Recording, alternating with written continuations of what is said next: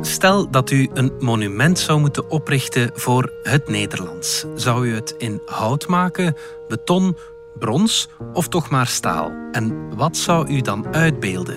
De vele dialecten, de jongerentaal of de boeventaal? En zou u het Hollands erbij nemen en het Zuid-Afrikaans? Vragen, vragen, te veel vragen voor uw arme hoofd.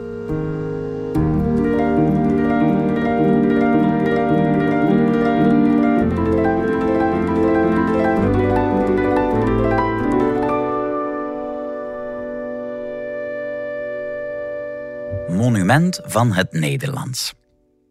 Een te late trippel eiste zijn tol. Tegen drie uur nachts wou mijn lever opstaan.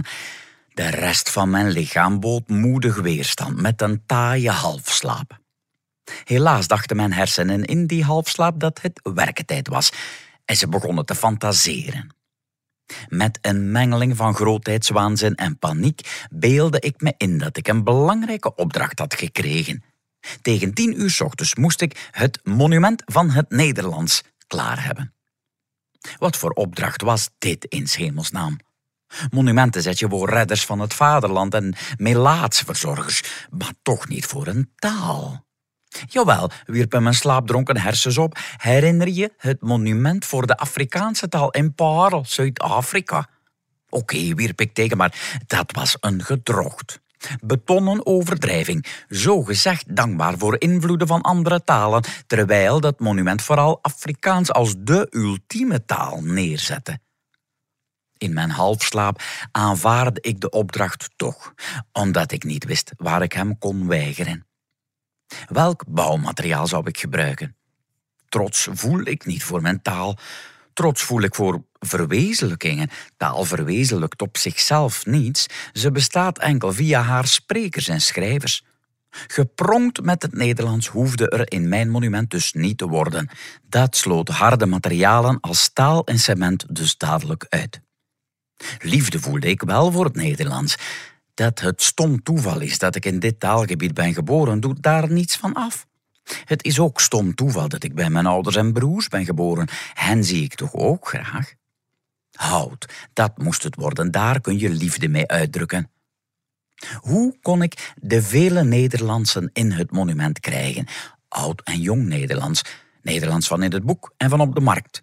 Dialecten, regiolecten en het Nederlands van intellecten. Mijn slaapkop bedacht allemaal takken, dikkere en dunnere. In paniek vroeg ik me af hoe ik dit in godsnaam nog zou beeldhouden voor tien uur ochtends. De takken konden op een stam, die dan het gemeenschappelijke Nederlands verzinnen beelde. Die stam moeten we verzorgen, anders stopt de sapstroom en sterven de takken. Een boom zou mijn monument worden, een gebeeldhouwde boom. En wat met de nieuwste Nederlandsen vermengingen met andere talen, nieuwe patois, vers bargoens, geheimtalen, sms-taal en appberichtjes. Die konden als bloesems op die vertakkingen, dacht ik. Zij zijn de uiterste puntjes van de sapstroom. Seizoensgebonden, sommigen zullen vrucht dragen, anderen sterven af. Het ene jaar is de oogst fabuleus, het andere jaar mager. Een bloesemende boom, ja, dat moest het worden. Een stemmetje in mij pruttelde tegen. In welk materiaal moest ik straks na het opstaan die verdoemde bloesems knutselen? In wilgehout sculpteren? Nog nooit gedaan. En toen rekte mijn vermoeide lijf zich opstandig uit. Het probeerde me duidelijk te maken dat mijn monument te hoofdelijk was. Is het Nederlands niet zintuigelijk misschien? Hoe kon ik in mijn monument de fysieke voldoening krijgen van het uitspreken van desalniettemin? Het deugddoende labeur bij het uit je mond wringen van het woord herststorm. De bijna erotische voldoening bij het roepen van het West-Vlaamse scheldwoord tjoeten naar een idioot, meestal mezelf. Het monument moest ademen, nam ik me voor. Koud en warm kunnen aanvoelen. Er moesten beestjes op krioelen en vogels in nestelen. Het moest groene groei oproepen in de lente en geduldig lijden in de winter. Mijn brein gaf op. Geen beeldhouwer kreeg dit ooit voor mekaar en ik zeker niet. Vijf minuten voor de wekker ging, viel ik in slaap met de geruststelling van de totale mislukking. Geradbraakt stond ik op. trok de gordijnen open.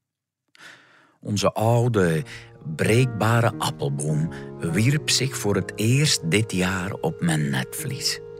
Hij stond in magnifieke, rooswitte bloei, uitbundig en wellustig.